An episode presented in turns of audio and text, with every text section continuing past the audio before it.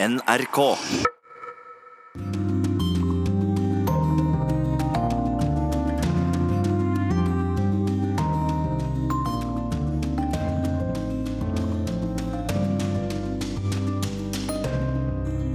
Rakettest i Iran få dager etter Trumps verbale angrep mot landet.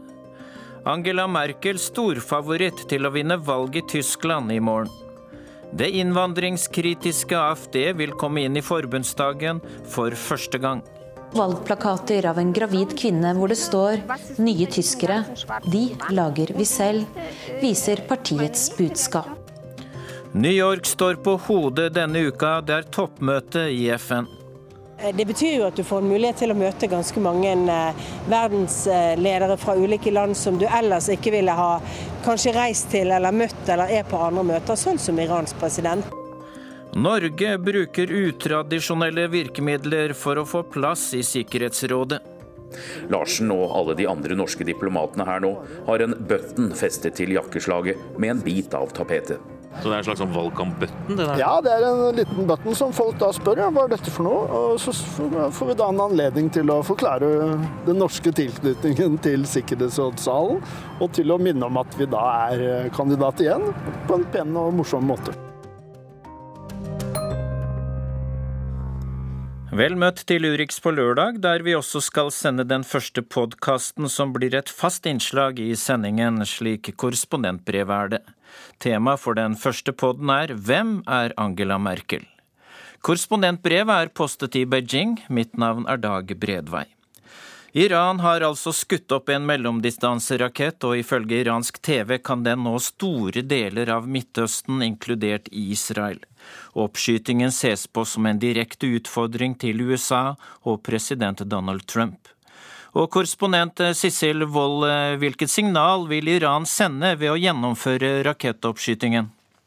Ja, Iranerne er nok mektig irritert over Trumps stadige trusler om å skrote denne atomavtalen og hans nylige nedsettende karakteristikker om Iran. Sånn som han sa i FNs generalforsamling sist. Han sa at atomavtalen er en skam. Iran er et land som eksporterer død og kaos. Det er en utmattet kjeltringsstat. Selv mener iranerne at de overholder atomavtalen og at rakettoppskytingen oppskytninger ikke er en del av denne avtalen. Hvorfor skjer oppskytingen nå? Det har nok med FNs generalforsamling og denne Trump-talen. Og president Hassan Rouhani han er jo for atomavtalen, som skal få Iran ut av den langvarige isolasjonen. Men Rouhani presses også fra konservative og hardlinere og revolusjonsgarden i Iran, som mener at Rouhani gir altfor mye til Vesten. Men det er viktig å merke seg at Trump med dette isolerer USA, fordi EU, som også undertegnet avtalen, vil fortsette å arbeide med Iran. Og EUs utenrikssjef Morgerini sa på onsdag i New York at Iran overholder atomavtalen. Det er ingen grunn til å reforhandle den, og vi er alle enige om at alle parter overholder avtalen. Og dermed er EU på kollisjonskurs med Donald Trump og USA. Kjetil Selvik, du er forsker ved Norsk utenrikspolitisk institutt. og Hva mer kan du si om oppskytingen i forhold til om dette er et brudd på atomavtalen? Vel, Iran og USA har veldig ulike oppfatninger av dette spørsmålet. Men strengt tatt så er avtalen relativt vag på dette spørsmålet. Den sier at Iran oppfordres til å avstå fra å teste ballistiske missiler. Men den er ikke så entydig som tidligere sikkerhetsrådsresolusjoner har vært. Som tidligere forbød Iran å drive med dette helt klare ordelag. Når atomavtalen kom i 2015, så ble egentlig språket tonet ned på dette spørsmålet. Så Iran mener at de er i sin fulle rett til å teste dette. Men de fleste observatører vil si at dette bryter med avtalens ånd at det ikke, siden det står at man oppfordrer Iran til å avstå, så bør man kanskje avstå. Men da vil jo Iran si at vel, eh, USA bryter med avtalens ånd når de truer med, når de rasler med sablene, liksom Sissel sier. USA truet med at en rakettest kan sette atomavtalen mellom landene i fare, og vil det skje nå? Vel, der sitter den i fare, det er ingen tvil om det. For dette tolkes eller oppfattes som veldig truende fra f.eks. i Israel. Og USA er opptatt av Israels sikkerhet. Og dette vil fremprovosere da krav om at USA må svare på dette, øke presset på, på Iran. Sånn at vi får vi helt, ser helt klart en, en, eskalerende effekt av dette. Tusen takk skal du ha, Kjetil Selvik ved NUPI og korrespondent Sissel Wold.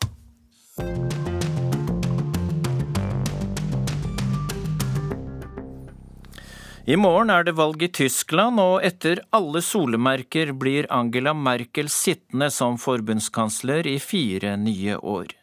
Det høyrepopulistiske og innvandringskritiske partiet Alternativ for Tyskland kommer inn i forbundsdagen for første gang. Og korrespondent i Berlin, Guri Nordstrøm, hva viser meningsmålingene dagen før dagen? Ja, akkurat nå står jeg utenfor Kansleramt, og det er jo her slaget står om i morgen hvem som skal lede Europas mektigste land de neste fire årene. Og det ser ut til, som du sa, at det blir hun som har sittet der de tolv siste årene allerede. Merkels parti, Kristendemokratene, ligger på førsteplass med mellom 34 og 37% oppslutning nå. Regjeringspartner Sosialdemokratene på andreplass med mellom 20 og 22% oppslutning. Og så ser det ut til at Alternativ for Tyskland kan bli landets tredje største parti parti med mellom 10 og 13 eh, oppslutning. Men en tredjedel av tyskerne har ennå ikke bestemt seg hvilket parti de skal stemme på, så det endelige svaret vet vi. Det høyrepopulistiske partiet Alternativ for Tyskland ser ut til å komme inn i forbundsdagen for første gang, og vil partiet få politisk innflytelse? Eh, hørte du spørsmålet, Guri? Vil partiet få politisk ja. innflytelse? Ja, altså Alle de andre partiene sier det er utelukket å samarbeide med AFD, men til tross for dette så har nok politiet, eh, partiet likevel hatt en påvirkning allerede. Under valgkampen nå så har alle de andre partiene, bortsett fra De Linke, hatt behov for å understreke at de også kan være strenge i innvandringspolitikken. og Pga. det så har jo Alternativ for Tyskland sin toppkandidat Alexander Gauland til og med beskyldt de andre partiene for å kopiere dem og for å stjele deres saker. Og så sitter jo partiet allerede i 13 av Tysklands 16 delstatsforsamlinger. De er også representert i Europaparlamentet. Men til tross for alt dette, så er de også fortsatt veldig omstridte. Sie flüchten aus einem Land, ja, und dann kommen sie in ein Land, weil sie einfach nur Bildung wollen, weil sie ein richtiges Leben wollen, weil sie nicht sterben wollen. De flykter og kommer hit fordi de ønsker utdannelse, et ordentlig liv, fordi de ikke vil dø, fordi de vil beskytte familien sin. Og så kommer sånne folk som deg og sier at det ikke er plass. Har du overhodet noen følelser?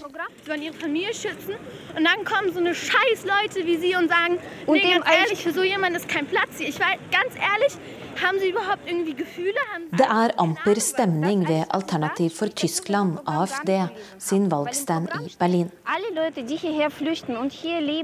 Når de 15 år gamle venninnene Charlotte og Linn blir tilbudt valgmateriale, renner det over for dem begge. Ganz ehrlich, was ist das bitte für eine Scheiße? Jede Religion sollte hier in Deutschland akzeptiert werden. Hva er dette for tull? Alle religioner bør aksepteres her i Tyskland. Dere er redd for fremmede, sier de to 15-åringene. Altså, har de angst fremmede? Valgplakater med bilder av kvinner i bikini hvor det står at man heller vil ha det enn burka. Og valgplakater av en gravid kvinne hvor det står 'Nye tyskere, de lager vi selv', viser partiets budskap og hos mange går dette også rett hjem. På enkelte meningsmålinger ser Alternativ for Tyskland nå ut til å bli landets tredje største parti, med opptil 12% oppslutning.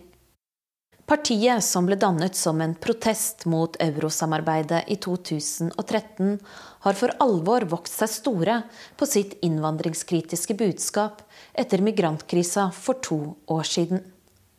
Rundt halvparten av dem som stemmer på AFD, gjør det fordi de er skuffet over de andre partiene. Den andre halvparten er de klassiske protestvelgerne. Tidligere holdt de som var skeptiske til innvandring og eurosamarbeidet til i de store folkepartiene SPD og CDU, og måtte der bryne seg mot venstresiden i partiene. Nå er de samlet i AFD. Og etter alt å dømme vil de komme inn i forbundsdagen for første gang på søndag. Wir sind sehr positiv gestimmt, weil ähm, die Probleme in unserem Land zu lange liegen gelassen wurden von den verantwortlichen Parteien. Vi er svært positivt innstilte fordi problemene i landet vårt har blitt liggende altfor lenge av de ansvarlige partiene. Endelig er tiden kommet for at et fornuftig parti som Alternativ for Tyskland kan være med og ta del i ansvaret, sier partiets toppkandidat Alice Weidel når jeg møter henne i Berlin. In Regierungsverantwortung und jetzt wird es endlich Zeit, dass eine vernünftige Partei wie die Alternative für Deutschland endlich auch Mitverantwortung übernimmt, um die Probleme auch ernsthaft und nachhaltig anzugehen. Men selv om partiet nå kommer inn i forbundsdagen, er det ingen av de andre partiene som vil samarbeide med dem. Det sier de i hvert fall nå. Og senere i sendingen skal vi, skal vi bli bedre kjent med Angela Merkel.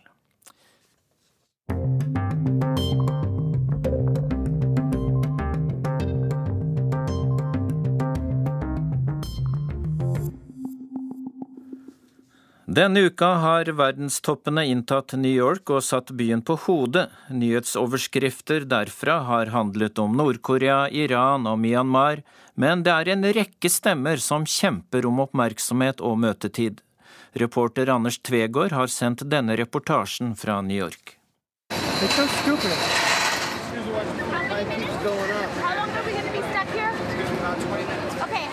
Manhattan 27 grader. Byen er delt i to de neste 20 minuttene. Skal du krysse kvartalet mellom 48. og 49. gate, må du gå 1 km vestover.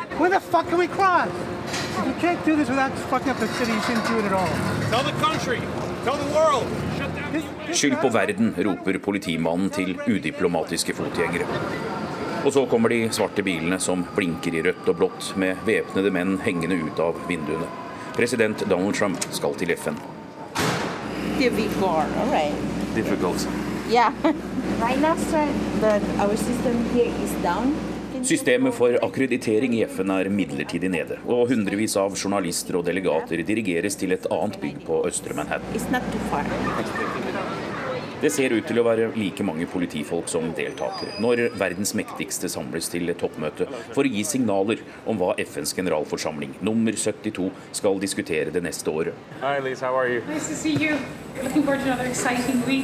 Ni dager med taler, mottakelser i skyskrapere, blankpussede sko og sidearrangementer. Det er en hektisk uke. Det er en slags speeddating. Altså, jeg syns ikke det er et veldig treffende ord og uttrykk. eh, eh, Fordi dating det oppfatter jeg noe helt annet enn de litt eh, tørre møtene jeg er med på.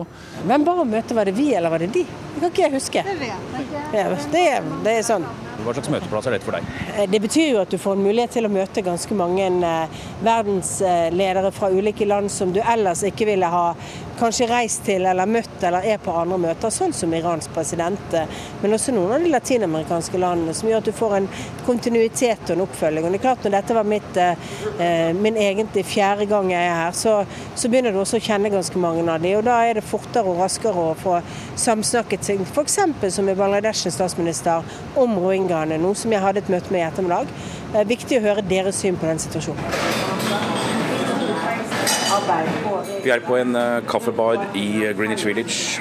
Stedet er nytt, eh, akustikken dårlig, men eh, tradisjonen gammel. Når statsministeren lander i New York, så blir det som regel et eh, pressemøte i litt mer uformelle omgivelser. Her er det nå sikkerhetsvakter fra PST og Secret Service, både inne og ute. Langt fra et vanlig syn for eh, New Yorkere. Og vi har benket oss eh, rundt et langbord. Jeg tror ikke jeg har tenkt å si så mye mer. Jeg lurer på det var en litt annen Par har vi fått, f.eks. fra Colombia, med folk som ønsker å snakke om Norge, om eh, hva vi gjør med den colombianske fredsprosessen. Pressekontakten på den norske FN-delegasjonen, Ragnhild Simenstad, blir ikke akkurat nedringt av internasjonale medier når norske politikere er på besøk. Mye av tida hennes går til logistikk, som å fortelle kolleger i FN-systemet at de ikke trenger å skjerme, holde pressen unna når hender skal trykkes. Det er veldig annerledes enn i Norge, altså tilgangen i FN. Så det er mye mer vanlig at det er vanskelig å komme inn på de forskjellige politikerne. Men de norske politikerne er som regel ikke sånn. Så uh, det er kanskje også en, noe jeg må jobbe mye med, er å forklare folk i FN og andre steder at uh, de norske politikerne har lyst til å snakke med media. For det er ikke så vanlig. Joy, have a great day. Yes, sir. How are you? You want to interview me? Sure. No. So what's... you gotta go across the street. The guy in the blue shirt, All right, okay. he's screening people to go to the UN. Her i um, FN må um, alle ha akkrediteringer. Et um, lite blått kort med passfoto som henger rundt halsen. Og så en fargekode på en bokstav som forteller om tilgangen her. F.eks. har media en hvit eller grønn uh, P. Delegasjonen med diplomatene har hvit D. Og så møter vi Dagny Lander, som var uh, Norges spesialutsending, fredsmekler, til um, forhandlingene mellom Colombia og FARC-geriljaen. Hva står den S-en for på, på kortet ditt? Nei, Denne S-en står for eh, sekretariat, så jeg jobber da i FNs eh, sekretariat. Og da har du, du kan gå nå hvor du vil, altså enda helligere steder enn eh, den norske delegasjonen f.eks. Ja, med dette kortet så har jeg tilgang til de aller fleste stedene inne i FN-bygget. Det er riktig. Og det er fordi han har byttet jobb for en periode og holder til her i FN-hovedkvarteret som generalsekretærens personlige utsending til en grensekonflikt i Sør-Amerika få har hørt om, den mellom Venezuela og Guyana. Ti sekunder, hva går den ut på?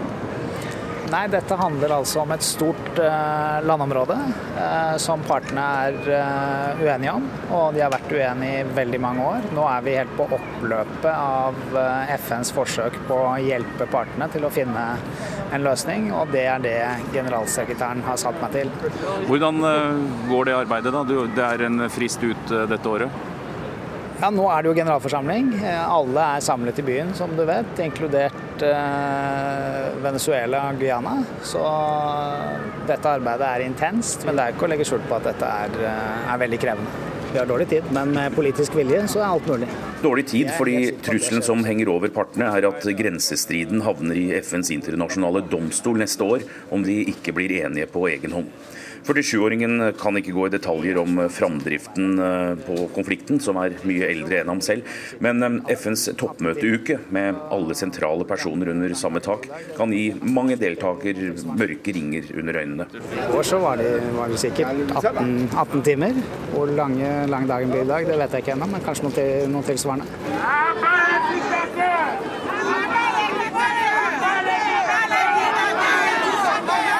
Noen hundre meter fra FN-bygget og på motsatt side av der verdenslederne kjøres inn, står demonstrantene. Plakater og bannere med slagord mot Iran, Sri Lanka, Myanmar, Pakistan. Falun Gong sitter stille. Og politiet har heist en mobil enhet fem meter opp i lufta for å ha oversikten. Hvert år så lurer jeg på er det en vits å dra til eh, FNs generalforsamling denne uka. Eh, Og hver gang kommer jeg tilbake med tanken om at ja, det var nyttig.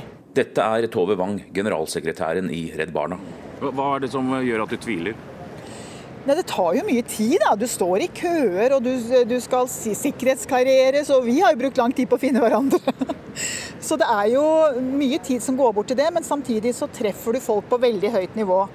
Eh, I går hadde jeg, eh, satt jeg møte med Gordon Brown og utdanningsministeren fra Uganda. Det er klart det er nyttig å møte folk på det nivå og snakke for barns rettigheter og det vi mener er viktig å få gjennomført. FN-bygget har et ukjent antall møterom, og denne uka er det også satt opp en rekke båser for mindre grupper. Mens stats- og regjeringssjefene snakker i hovedforsamlingen, er det andre høynivåmøter i nabosalene, som kringkastes på web og FNs interne TV-kanaler. Møter om bærekraftsmål, forbud mot atomvåpen, en debatt om FNs fredsbevarende operasjoner, ministermøte om Libya, rundebordskonferanser om hvordan klima og humanitær bistand kan smelte sammen.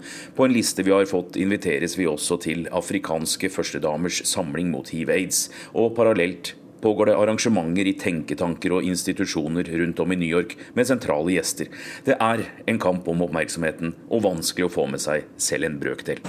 We'll catch up in Nairobi. Lovely. Take care. Nå skal jeg, jeg har vært på Erna Solbergs havarrangement og skal til Bloombergs klimaarrangement, hvor mange av klimastørrelsene sitter. Du bor jo nå i Nairobi, og hvor mange dager setter du av til, til New York? Jeg er her et, i to og en halv dag, så det blir veldig kort. Men jeg var i Kina forrige uke og jeg var i Japan uka før der, så det er reising hele tida. Dette er stemmen til Erik Solheim, som har ledet FNs miljøprogram siden i fjor sommer. Han eh, venter på å komme seg over veien, men blir eh, stadig stanset av kjentfolk. Vi møter mange flere per minutt her enn noe annet sted, så det er en fantastisk mulighet til å, til å rekke ut til folk. Men arbeidet gjøres jo mellom møtene. Hvis du bare sitter og prater, så utretter du ingenting. og Derfor prøver jeg å se på hvordan kan jeg bruke denne anledningen til f.eks. å virkelig ta et krafttak mot den ufattelige plastikkforurensningen i havene som holder på å kvele verdenshavene. Ja, helt konkret, Hvordan jobber du da? Hva, hva, hvordan går du fram? Snakke med politiske ledere om hva de kan gjøre. Men Kenya har jo f.eks. nettopp forbudt plastikkposer og, og en, enbruksplastikk i Kenya. Det er et fantastisk skritt framover. Snakke med næringslivet om hvordan de kan lage bedre produkter. Og snakke med sivilt samfunn om hvordan de virkelig kan legge mer press på politikere og næringsliv. Som en FN-organisasjon, er hvordan er åpningen for å få til møter her denne uka? Fordi det er jo en stor konkurranse om oppmerksomheten. Ja, du må ha noe å levere. Det, det, det, hvis du bare kommer og vil, og, og vil, vil koseprate, så tar folk vel imot deg første gangen, men andre gangen så får du ikke noe møte. Jeg har vært kampanjeleder her i New York før, for ambassadøren den gangen. Og den gang slo vi jo ut Italia. Neste gang så har vi planer om å slå ut både Irland og Canada, som er våre konkurrenter. Det er to av tre land som kommer inn, ett som ikke kommer inn av oss tre. Og det må jo da ikke bli oss. Vi snakker om FNs sikkerhetsråd og Norges ambisjoner om plass rundt bordet. Fire ganger før har Norge vært med, men nå er det 15 år siden sist. Da begynte vi å bygge et lite team, da, men, så, som er fortsatt veldig lite. Der. Paul Gulleik Larsen, spesialutsending for sikkerhetsrådssaker, har drevet valgkamp et par år allerede. Og nå intensiveres jakten på nye norske nøkkelkort til verdens mektigste møterom. Land begynner veldig tidlig eh, å sanke stemmer, eh, inngå avtaler og, og søke støtte fra alle medlemsland i FN. Det er jo 193 land som er medlem av generalforsamlingen, og alle har én stemme hver. Dvs. Si at Stillehavsøyen Palau har like stor stemmevekt som USA. Dominica har like stor vekt som Kina. Slik at det er helt avgjørende å ha kontakt med alle disse landene, både på hovedstadsnivå og her i New York. Og det tar tid å bygge opp et tillitsforhold som da forhåpentlig omsettes i stemmer når valgdagen kommer i juni 2020. Så det kan høres ut som det er lenge. Men for oss som driver den type sikkerhetskampanje, er det ikke så, så lenge. Larsen og flere andre kolleger reiser nå rundt for å fremme kandidaturet og lytte til hva land mener Norge bør ta med inn i Sikkerhetsrådet.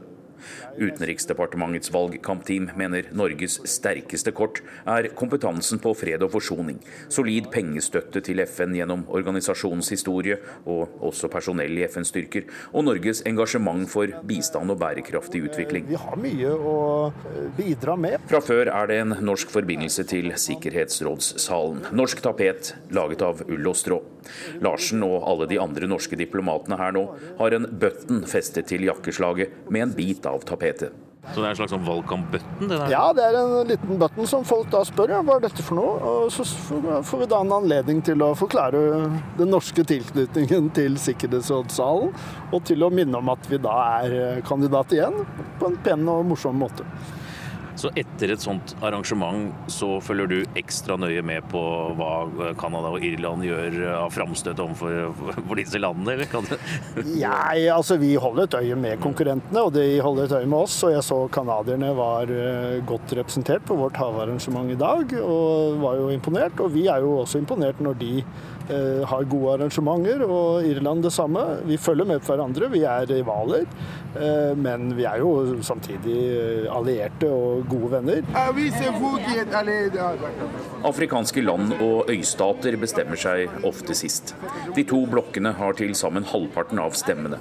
Hva valgkampen koster er for tidlig å si, men foreløpig har ikke Utenriksdepartementet bedt om ekstrabevilgninger. Vi er jo ansatt i systemet uansett, og foreløpig koster ikke noe utover det som ligger i, i budsjettene allerede. Hvor mange stemmer har Norge sikret seg nå, da? Det kan jeg ikke si, men jeg kan bare si at vi ligger godt an. Vi er i rute. Altså kan ikke si, eller vil ikke si? Altså vet ikke, eller kan ikke si det? Ja, jeg vet jo hvor mange jeg anslår at vi kan ha støtte fra. Men det kan også endre seg underveis. Canada kom på sent. De meldte seg først i fjor. Etter at Irland og Norge hadde vært annonsert som kandidat for ti år siden.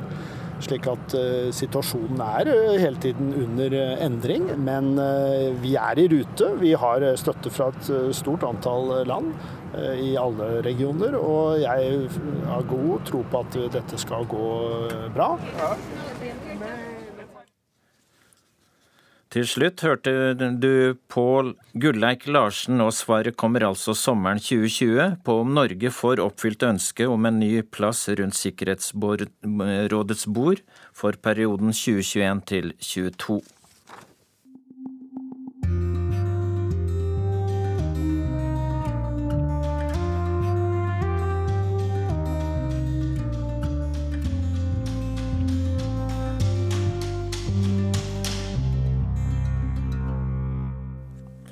Nå til eh, nyvinningen fra utenriksavdelingen i NRK, Krig og fred, en podkast fra NRK Urix.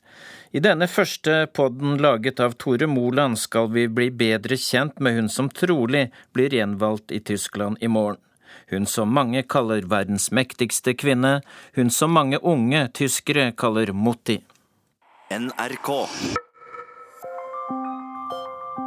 Dama visste aldri helt hvor hun skulle gjøre av hendene sine når hun ble tatt bilde av. Nå er hun verdens mektigste. Det er ingen tyskere som er i tvil om hvem du tenker på, hvis du setter fingertuppa sammen og legger hendene i ei slags rute foran magen. Men fortsatt er det litt vanskelig å bli helt klok på Angela Merkel grå og anonym. Hvem er hun egentlig? Krig og fred, en podkast fra NRK Urix. Sie werden Kanzlerin des Deutschland. Wie, wie geht es Ihnen? Mir geht es, äh, mir geht es gut. Tobias Bach, du er eh, tysk eh, statsviter fra Berlin, men eh, ansatt eh, her ved Universitetet i Oslo. Hva er det som gjør at uh, tyskerne virker så fornøyd med Angela Merkel? Jeg mener at hun, for folk flest så fremstår hun som en, som en veldig trygg person. Som, hun blir jo gjerne kalt for moti, altså mamma. Og er, hun er en politiker som man, man, kan stole på. Og folk er på en måte sikre på at hun tar gode valg. Og uh, det gjør at um, ja, folk, folk føler seg trygge, rett og slett. I hvert fall sånn folk flest, vil jeg, vil jeg si. Har du inntrykk av at hun blir oppfatta annerledes i Tyskland enn hun blir i omverdenen? Ja, det inntrykket har jeg. Eh, I, i utlandet, og nå, spesielt i Norge, som, som ja, jeg er blitt kjent med litt bedre nå, um, da blir hun, vil jeg tro, gjerne oppfattet som ja, lederen i Europa hun som på en måte viser veien frem. Um, og alle de andre følger etter, kanskje. Um, men um, i Tyskland mener jeg at hun fremstår egentlig som en, en person som, uh, som, er uh, veldig pragmatisk. Så hun venter med å ta beslutninger. Hun, hun lytter først til, uh, til, det alle har å si i politikken, i de politiske partiene, i mediene.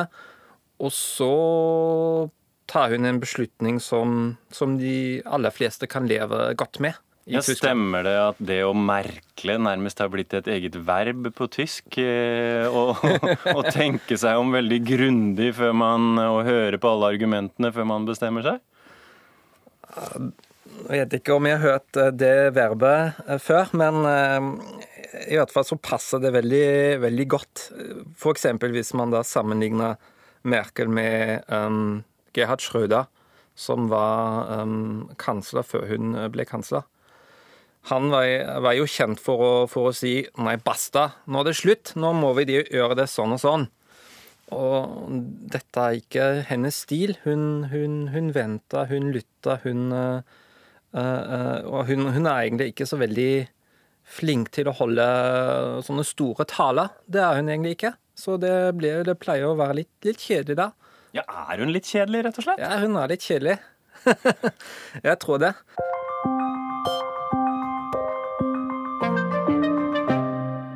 Knut Magnus Berge, utenrikssjef her i NRK. Angela Merkel, er det en eh, aura av mystikk der på noe vis, eller er hun bare gudsjammelig, grå og kjedelig og traust og solid? Litt begge deler, hvis mulig. ikke sant? Angela Merkel er nokså rart som mektig mystisk og kjedelig på samme tid. Det er jo knapt til å begripe, men, men det er noe der, altså. Hun er jo utvilsomt mektig. Eh, verdens mektigste kvinne, Europas mektigste statsleder. Eh, hun er mystisk. Vi vet egentlig veldig lite om henne. Det slår meg når jeg leser om henne i magasiner eller i biografier, de samme anekdotene som går igjen, som skal liksom eksemplifisere ting ved hennes personlighet. og noe av grunnen til det er jo selvsagt at det kanskje er gode eksempler i dem, men også at vi vet så lite. Eh, Hvorfor vet vi så lite? Jeg tror hun har et behov for å beskytte seg. Eh, og så tror jeg at hun er helt uten fakter. Altså hun er ikke eh, Hun har ikke noe eh, sånn politikerbehov for å eh, spille opp til noe eller vise seg fram eller sånn. Hun er eh, sånn som hun framstår. Hun er nøktern, eh, og hun er solid. Og jeg tror at også det er et bilde av seg som hun ønsker å formidle. Og hun lykkes jo med det. Hun byr på så lite at vi fortsatt lurer litt. Hvem er hun egentlig? Ja, ich bin gerne an der frischen Luft. Wenn ich Zeit habe, lese ich auch gerne ein gutes Buch oder gehe in ein klassisches Konzert und ich koche gerne. Så hva veit vi da egentlig om Angela Merkel? Hun liker turer i frisk luft, å lese ei god bok, høre en klassisk konsert og lage mat, sier hun sjøl. Født Angela Dorothea Kastner i 1954 Faren var prest, mora var lærer, men fikk ikke lov å jobbe. For dette var jo under kommunismen i Øst-Tyskland. Angela var knallflink på skolen, men fullstendig håpløs i sport. Og dermed så måtte hun gi opp drømmen om å bli kunstløper. I stedet satsa hun på studier i fysikk. Hovedoppgaven den leverte hun i 1978. Sorry, jeg bare må ha med tittelen på den. Romlige korrelasjoner og deres innflytelse på reaksjonshastighetene til tomolekylære elementærreaksjoner i stoffer med høy tetthet. Hun gifta seg med en studiekamerat i 1977. Ulrik Merkel het han. De ble skilt fort etterpå, men som du kanskje allerede har gjetta, navnet tok hun med seg videre. Da Angela Merkel fylte 30, bodde hun uh, aleine i en liten leilighet som hun hadde klart å karre til seg i Berlin. Hun arbeida som forsker, og så fikk hun faren sin på bursdagsbesøk da hatte ich meinen 30. Geburtstag, kam mein Vater mich besuchen, da guckte sich da um und ähm, dann sagte er, was ich nicht charmant fand, zum 30. statt Glückwunsch sagte er, weit hast du es ja noch nicht gebracht. Und ja. Foreløpig har du ikke drevet dette mye her i verden, sa han, ifølge en av de ikke altfor mange historiene som fruen sjøl har fortalt fra sin tid øst for jernteppet. Knut Magnus Berge, sitter du på noen gode historier som du føler at beskriver Angela Merkel på et spesielt vis? Nei, som sagt eh, For det første, når du leser, eh, som jeg var inne på i sted, når du leser hennes eh, Eh, biografiene som er skrevet om, om, henne, eller lengre stykker som står i internasjonale magasiner eller tyske magasiner, så er det de samme anekdotene som går igjen. Eh, denne historien om at hun eh, sto en hel skoletime ytterst på tremeteren fordi at hun vurderte om hun skulle hoppe, og, og faktisk da hoppa idet det ringte inn, for da, da eh, gikk deadline og hun måtte hoppe. Men også historien om eh, natta til eh, 10.11.1989, eh, etter murens fall. Hun satt og så på denne pressekonferansen som foregikk på, på kvelden, der regimet i DDR i praksis, iallfall en representant for regimet, i praksis sa at reisebestemmelsene er nå letta, slik at folk fra øst kan reise over til vest. og det gjaldt Eh, så fort, altså med en gang, eh, og som fikk folk til å strømme til eh, muren.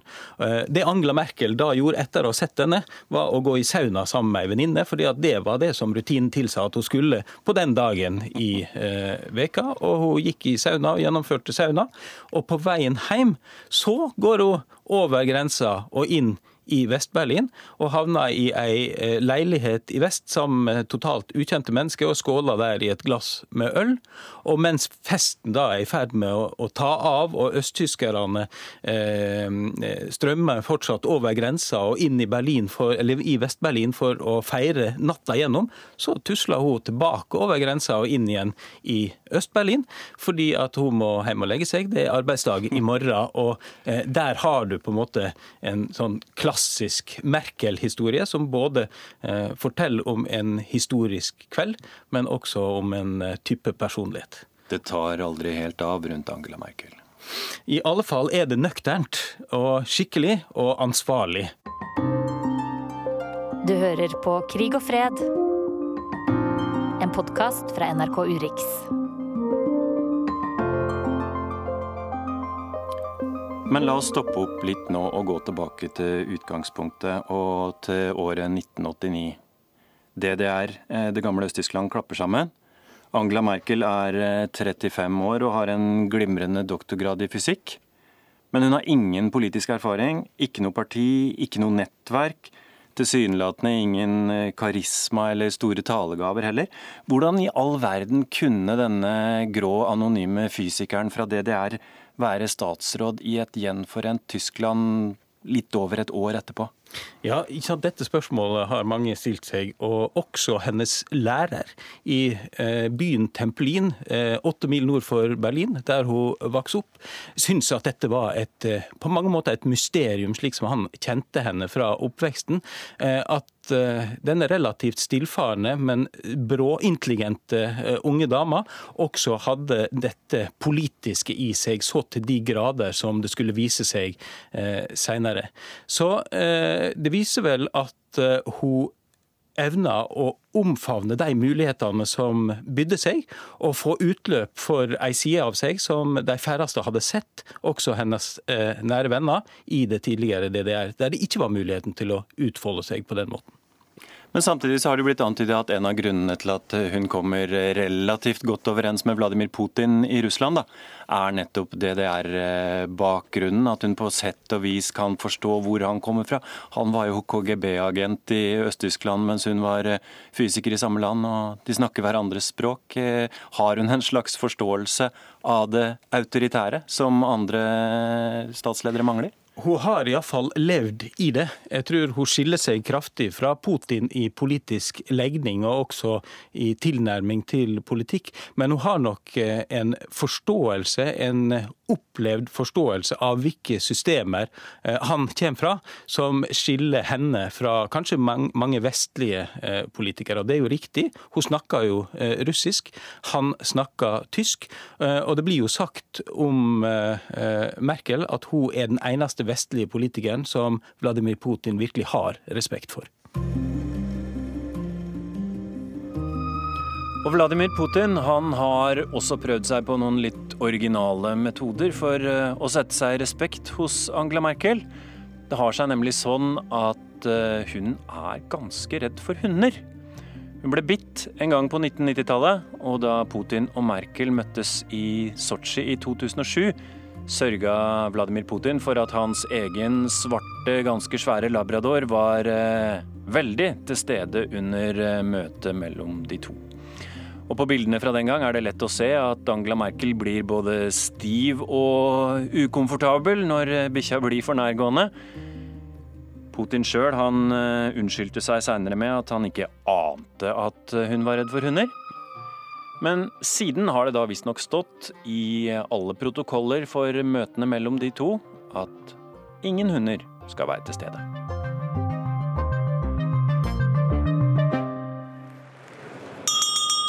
Nach Konrad Adenauer, Ludwig Erhard, Kurt Georg Kiesinger, Willy Brandt, Helmut Schmidt, Helmut Kohl und Gerhard Schröder ist damit die Abgeordnete Dr. Angela Merkel zur ersten Bundeskanzlerin der Bundesrepublik Deutschland gewählt worden. Du var eh, sjøl fersk korrespondent i Berlin i 2005 da hun ble valgt kansler. Hvilket eh, inntrykk gjorde du deg da? Nei, Det var jo et mysterium eh, at ei så tilsynelatende beskjeden dame med så lite fakte, så lite eh, karisma på talerstolen, skulle eh, evne å eh, nå helt til topps i det tyske. Hun har vært undervurdert hele sin politiske karriere av folk internt i partiet og av motstandere fra andre Eh, partier, og nådde til topps, og har etter hvert fått brei tilslutning i det tyske folk, og er jo nå i en posisjon som er helt unik i at hun er eh, så stor favoritt foran eh, dette valget, og at motstanderne ser ut til ikke å klare å finne ut av hvordan de skal hamle opp med henne. Tolv år seinere, er det noen tegn til slitasje hos Angela Merkel? Nei. Det ser ikke sånn ut. Hun eh, virker å ha en voldsom eh, stamina. Eh, har stått i store kriser. Eurokrise, krise i forhold til Ukraina, Russland, flyktningkrise. Og ser ut til å håndtere det helt fint å stå i denne typen tøffe kriser. Men samtidig så er det vel ingen tysk forbundskansler som har gått av frivillig noensinne? Kommer hun til å bryte den statistikken? Ja, det vil jo eh, valget i 2021 eh, vise. Hvis hun eh, nå vinner dette valget, som alt tyder på, og blir sittende, så blir jo sammen med Helmut Kohl den lengstsittende tyske kansler etter andre verdenskrig. Eh, og hun vil jo da ha sjansen til å eh, innta den trona alene ved å vinne neste valg. Og en skal ikke se bort ifra det. Hun er 63 år nå, vil være 67 ved neste korsvei. Hva driver Angela Merkel framover som politiker i år etter år? I ryggmargen så tror jeg det ligger en voldsom trang til frihet. Eh, dette er noe hun har med seg fra oppveksten i eh, DDR, men også kobla med et, en voldsom tru på demokratiet, på eh, vestlige verdier og forsvaret for dem.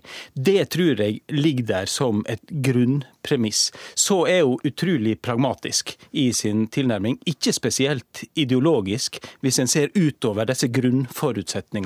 Og det gjør at hun kan operere i et ganske bredt politisk politisk eh, landskap. Og der tror jeg at eh, det som driver henne, er ønske og vilje til makt, men makt for å eh, holde Tyskland og Europa på stø kurs. Was für Zerrbilder.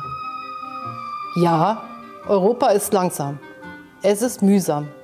Es hat tiefe Einschnitte wie den Austritt eines Mitgliedstaats hinzunehmen.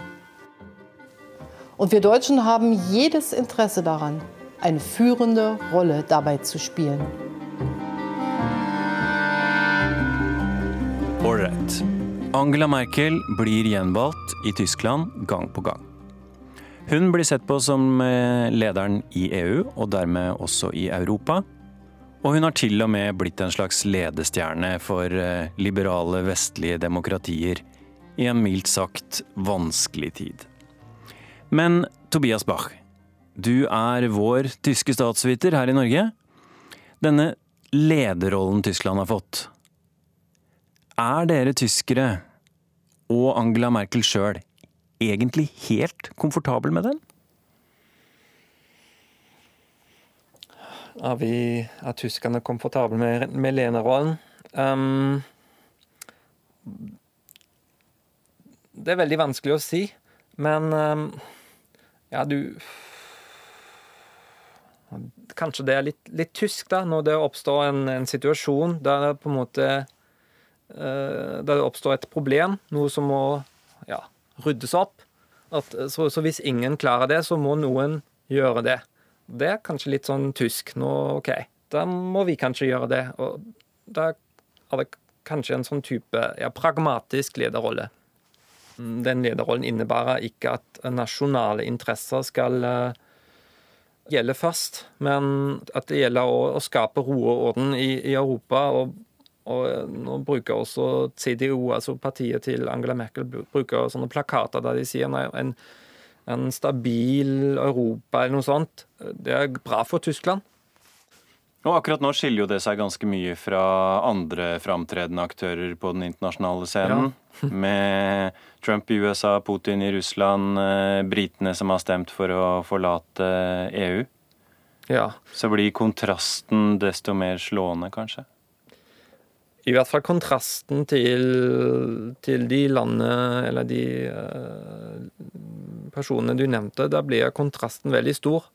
Da kommer kanskje en, en, sånn type forventning at Merkel ikke skal bare være på en måte leder i Europa, men kanskje i, i hele verden. Sånn den personen vi kan, vi kan stole på. Og jeg, jeg, tror at hun er ikke veldig komfortabelt med, med dette.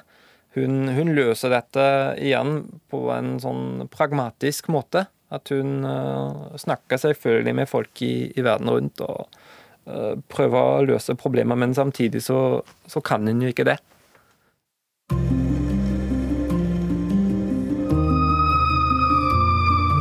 Du har hørt podkasten Krig og fred med Tore Moland.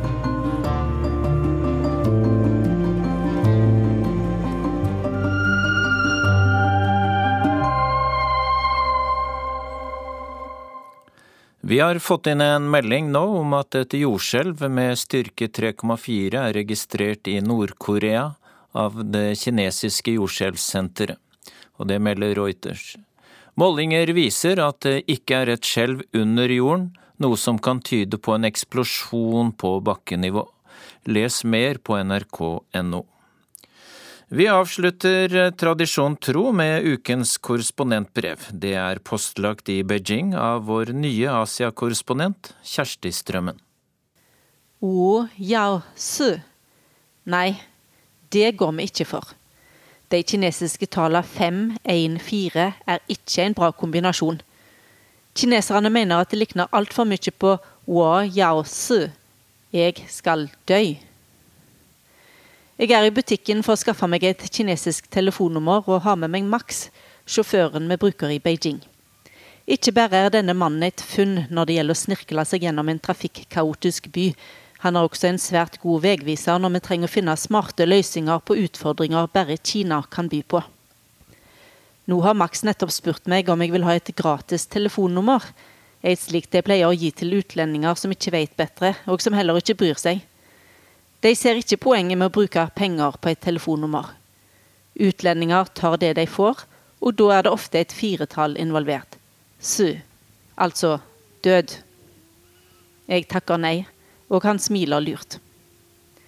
Jeg har bodd i Kina før og kjenner allerede litt til de gode og vonde tallene. Jeg er ikke spesielt overtruisk, men vil heller ikke stå fram som komplett idiot når jeg presenterer visittkortet mitt. Om jeg ikke bryr meg om heldige og uheldige tall, vil det nok likevel gå en del tanker gjennom hovedet på en kineser som skal slå et uheldig tall. Ja, om at jeg ringer til en dum utlending, og hvordan skal det nå gå henne i livet? Vil du betale litt, så får du noe bedre enn det, sier Max. Jeg er tilbake i Kina etter mange år i Norge. Mitt gamle telefonnummer er for lengst kansellert pga. manglende bruk, og er gått til en eller annen kineser. Nå trenger jeg et jeg kan bruke før jeg overtar korrespondenttelefonen, og det er uansett lurt å ha et ekstra. Jeg vet godt at åtte er det aller beste tallet, og at telefonnummeret burde ha minst ett åttetall. Åtte har uttalen ba på kinesisk, og høres derfor ut som fa. Det betyr rikdom. Og er det noe som gir hell og lykke i Kina, så er det fa. Uten penger er en nesten ingenting. Penger gir status og det svært viktige ordet guangxi, gode forbindelser. Nummerkombinasjonen o-o-ba-ba er svært god. Disse tallene betyr jeg, jeg, rik, rik. Men et telefonnummer med ett eller flere åttetall koster meg mer enn jeg vil betale. Visstnok vil fire åttetall innebære at en minst punger ut med en nettesum av 120 000 norske kroner. Vil jeg ha noe som er sånn passe, men altså uten åttetall, må jeg ut med minst 500 kinesiske renminbi. Jeg sier ja, OK, ellers går det på æra løs. Max og mannen i telefonbutikken viser meg til en maskin der jeg kan bla gjennom nummer. Jeg vet ikke annet enn å la ekspertisen håndtere dette, og ber mannen i butikken og Max om å komme med forslag. De diskuterer og blar og blir helt oppslukte i universet av tall. Om ikke det er et eneste åttetall å finne, er det også bra med tallet seks, sier de oppmuntrende. Seks, som heter ljå, er for en kineser et ord som gir flyt. Spesielt er det bra om tallet slutter på seks, eller altså ljå. Det høres bra ut, gir balanse og bør helst være det siste i tallrekka.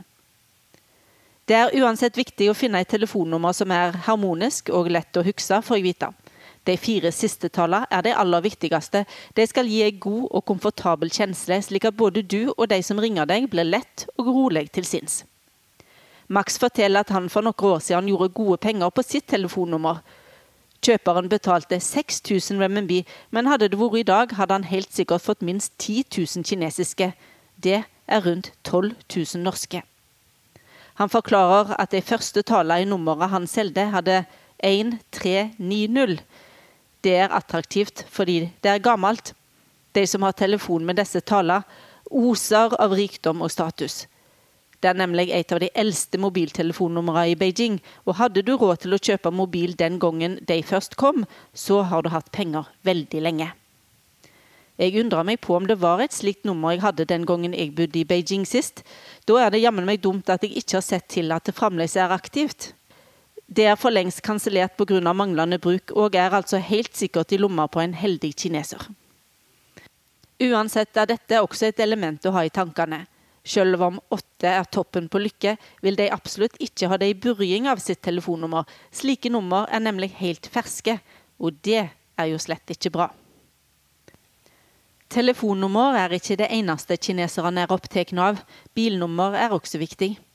Heller ikke i den sammenhengen er fire, som altså lyder som død, noe særlig å ha. Ifølge Max blir det ikke lenger laga bilnummer med tallet fire på slutten av skilta, fordi ingen ville ha dem. Men ingen regel uten unntak.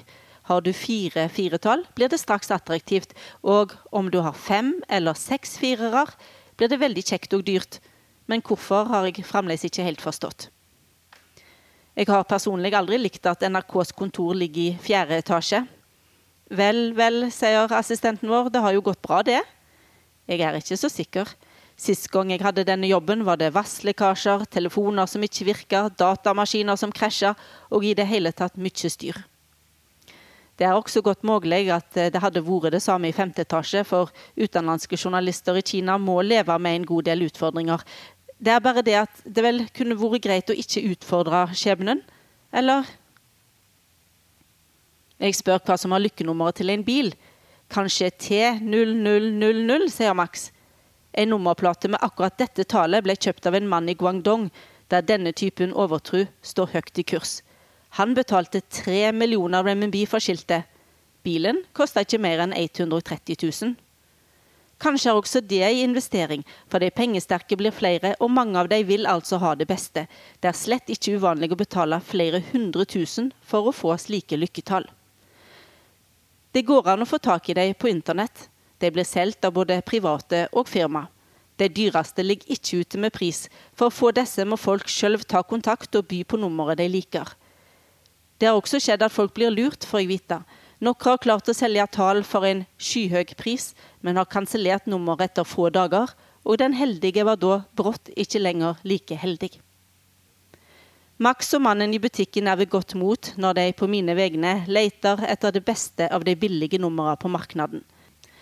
De luker ikke bare bort firetallene, men vil gjerne også finne et nummer med færrest mulig tre tall og færrest mulig sju tall. Tre heter san på kinesisk. Bruken av dette signaliserer at noe går i oppløsning og forsvinner, og chi, som er tallet sju, kan bety kone. Det er vel bra? utfordrer jeg Max. Nei, absolutt ikke, for tenk om det står chi yao su, kona må dø.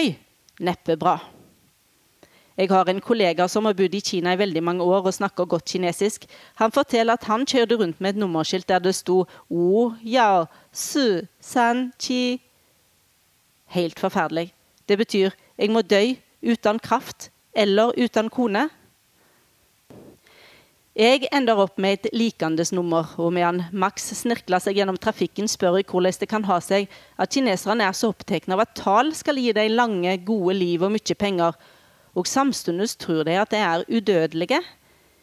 Ingen kjører med hjelm, korkje på motorsykkel eller sykkel, korkje barn eller voksne. Få bruker sikkerhetsbelte. Nesten ingen investerer i maskiner som gjør den til tider svært forurensa lufta i Beijing til å leve med. Da svarer han Rendemin Tianjuding. Folks skjebne blir bestemt i himmelen. Kanskje er det skjebnen. Nylig tok jeg i bruk korrespondentnummeret jeg har fått her i Beijing, og som jeg altså ikke har bestemt sjøl. Jeg må innrømme at jeg ble ganske sjokkert. Kan du gjette de to siste tallene? Jo, det verste av alt. Fire-fire. Og Kjersti Strømmen i Beijing avsluttet Urix på lørdag. Hvis noen har slått på radioene nå nettopp, så kan dere høre en kortversjon av sendingen klokka 16.30 i P2. Teknisk ansvarlig Ida Larald Brena. Produsent Tonje Grimstad og jeg, Dag Bredvei, takker for følget.